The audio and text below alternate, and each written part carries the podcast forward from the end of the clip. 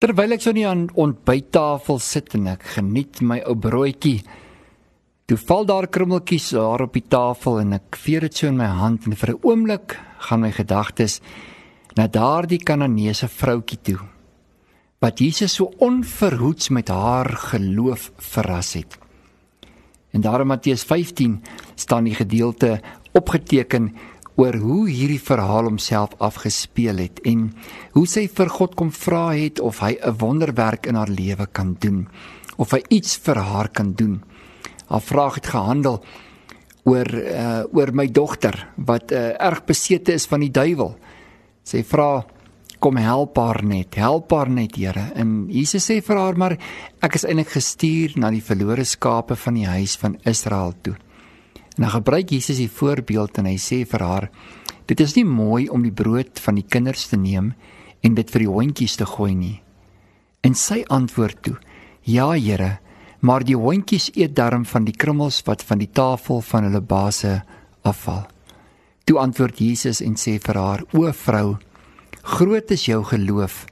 Laat dit vir jou wees soos jy wil hê." En haar dogter het gesond geword van daardie uur af. Die brokkies van jou lewe. Die krummeltjies van die tafel af. Wanneer ek en jy weer waardering begin kry vir dit wat God eintlik vir ons kom doen en bewerk het deur die kruis van sy seun. Dan gaan dit baie meer as net die krummeltjies van die lewe wees. So baie mense is maar net tevrede met die minste. Ja, ek dink ons moet dankbaar wees oor die minste. Maar ek wil vandag vir jou sê dat God het baie meer vir jou in stoor as wat jy self kan dink of bid volgens daardie krag wat in jou werk om jou te wil en te oortuig. Jesus was verbaas oor haar geloof. Dat sy so aangedring het om te sê Here, ek weet, ek weet vir wie u gekom het. Maar hier is ek nou. Ek is bereid om die krummeltjies wat van die tafel af te vat kyk net na my kant toe, Here. Sê net een woord. U hoef nie tyd by my te spandeer nie. U hoef my nie 'n bord kos te gee nie. U hoef nie vir my die hele brood te gee nie.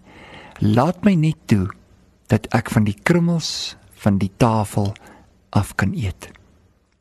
'n Desperate vrou wat besef dat selfs dit wat ander mense minag eintlik kragtig is in die hand van die Here. So baie maklik het ek en jy na waardevolle aspekte van ons lewe kan kyk en dit maar net minag. Dit nie kosbaar genoeg ag nie. Ons maak nie 'n groot ding van klein dingetjies nie. Ons vat die klein dingetjies dan maak ons groot dinge daarvan wanneer dit verkeerd is en negatief is. Maar die goeie dinge wat God vir ons bewerk het, dit blaas ons nie op nie. Ja, ons roep gebedsdae uit wanneer dit droog is maar ons roep nie gebedsdae van dankbaarheid uit wanneer God die landerye benat het met die reënwater nie. Ons is geneig om uit ons eie behoeftes uit God te wil dien. En ek wil bietjie met jou daaroor praat. Ek wil bietjie met jou praat oor die brokkies van jou lewe. Ons is so geneig om te kyk wat ons alles uit God uit kan kry. Dat ons voorwaardes het hoekom ons hom dien en waar ons hom dien en wanneer ons hom sal dien. En dat ons nooit besef dat eintlik gaan hierdie lewe van Christen wees, hierdie lewe van om 'n kind van God te wees, meer oor hom as wat dit oor my gaan nie. Dit gaan meer om diensbaar vir hom te wees en in sy hand te kan wees, 'n instrument tot eer van sy naam. Ek dink aan die vermeerdering van die brode. Daar in Johannes hoofstuk 6 Daarna het Jesus na die oorkant van die see van Galilea, dit is van Tiberias gegaan. En 'n groot menigte het hom gevolg omdat hulle sy tekens gesien het wat hy aan die siekes doen. Vers 3. En Jesus het op die berg geklim en daar met sy disippels gaan sit en die Pasga, die fees van die Jode, was naby. Toe Jesus dan sy oë opslaan en sien dat 'n groot menigte na hom kom, sê hy vir Filippus: Waarvandaan sal ons brood koop sodat hierdie mense kan eet? Maar hy het dit gesê om hom op die proef te stel, want hy het self geweet wat hy wou doen. Filippus antwoord hom: Brood vir 200 pennings sal nie genoeg wees vir hulle sodat elkeen van hulle 'n stukkie eers kan kry nie. Een van sy disippels, Andreas Simon Petrus se broer, sê vir hom: "Hier is 'n seentjie wat 5 garsbrode en 2 visse het. Maar wat is dit vir so baie mense?" En Jesus sê: "Laat die mense gaan sit." En daar was baie gras op die plek. Die manne toe gaan sit, omtrent 5000 in getal. En Jesus het die brode geneem en nadat hy gedank het, deel hy dit uit aan die disippels en die disippels aan die wat daar sit. So ook van die visse, soveel as hulle wou hê. En nadat hulle versadig was, sou hy sê hy vir sy disippels: "Maak die brokstukke bymekaar wat oorgeskiet het, sodat niks verlore gaan nie." Hulle maak dit bymekaar net 12 mandjies gevul met brokstukke van die 5 garsbrode wat oorgeskiet het by die wat geëet het. Toe die mense sien dan die teken wat Jesus gedoen het, sê hulle hy is waarlik die profeet wat in die wêreld sou kom. En toe Jesus merk dat hulle hom wou kom kroon met geweld neem om hom koning te maak, het hy weer weggegaan na die berg. Hy alleen baie keer dan fokus ons met hierdie verhaal rondom die groot wonderwerk van om uit 'n bietjie baie te maak. Maar as is 'n opmerking, 'n stelling wat Jesus gemaak het wat in my hart vandag baie baie hard lê. Hy sê: "Gaan tel die brokstukkies op sodat niks verlore sal gaan nie.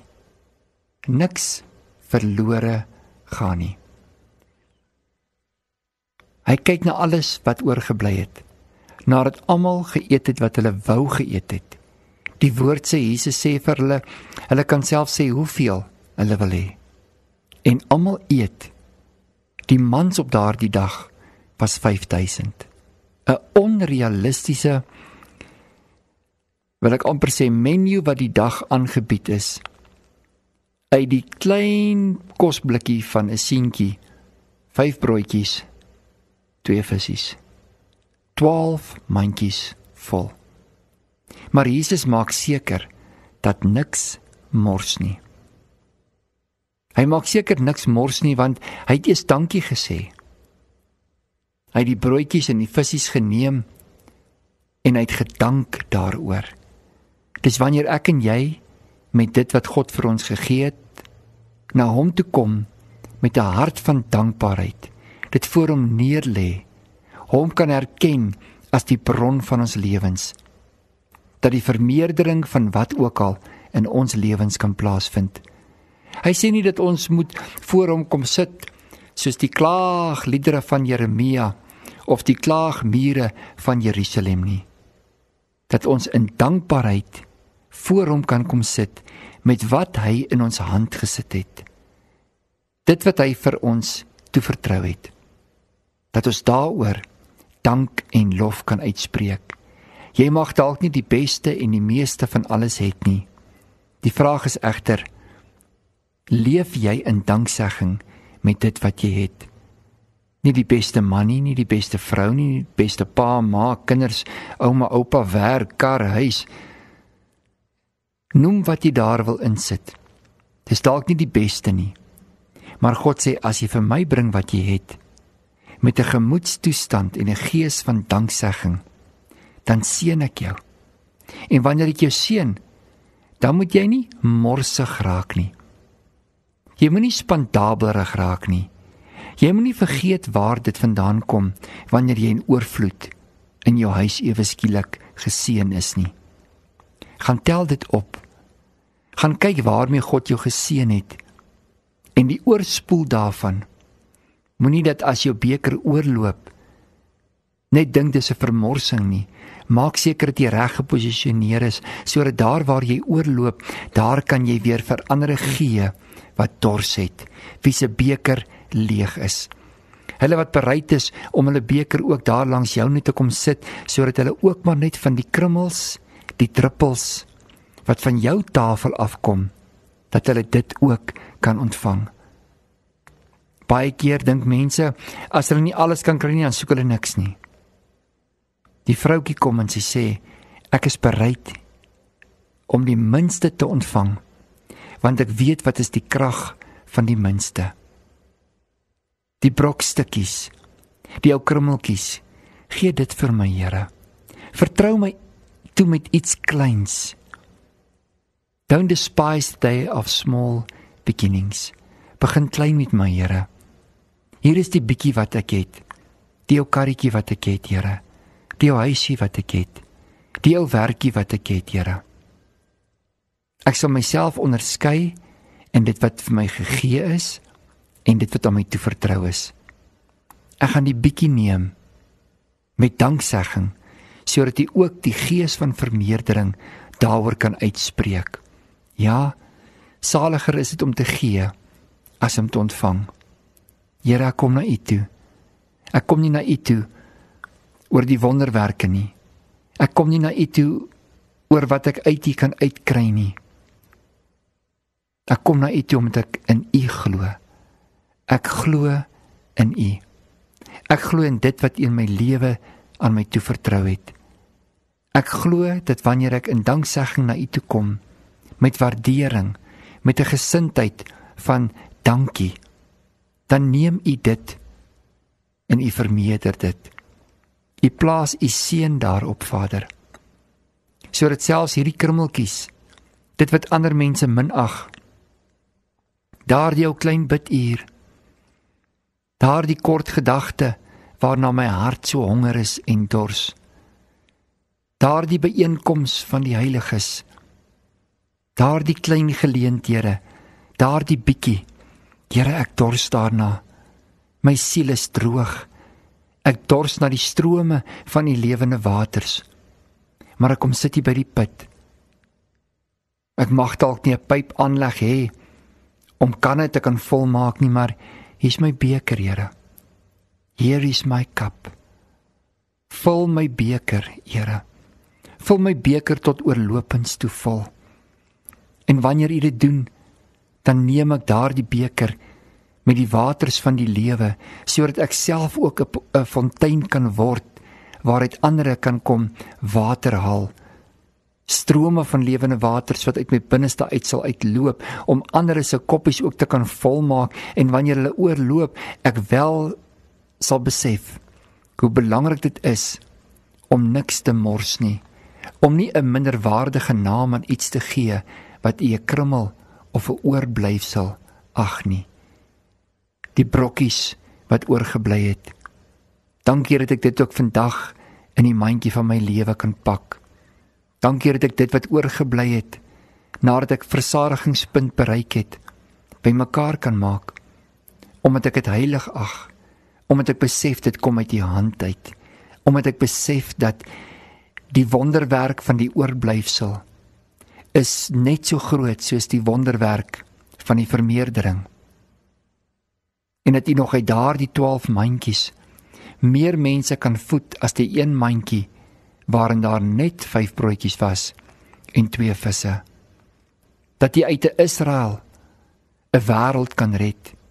'n klein groepie mense wat hulle self kom verootmoedig teenoor u en kom bid in die aangesig soek Here dat u dan daardie krummeltjies kan kyk en dat u niks minag nie hoe klein of hoe groot En Vader, dat U vandag ook die stem hoor van hulle wat U roep in Suid-Afrika, hulle wat na verlossing en genesing uitroep. Dankie dat U daardie enkele stem van daardie man en daardie vrou op hulle knieë voor U hoor.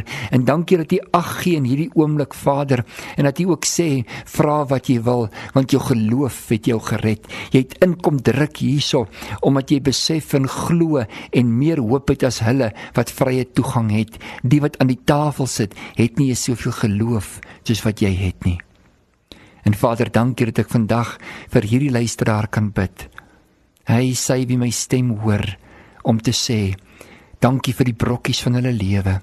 Dankie Vader dat hulle lewe nie min geag word nie, maar dat U hulle hoog geag het en hulle bekroon het met die kroon van U skepingskrag en U heerlikheid. Ek bid U seën op hom af op haar af. In hierdie oomblik met danksegging spreek ek 'n woord van vermeerdering oor elkeen se lewe in Jesus naam. Amen. En jy sê amen.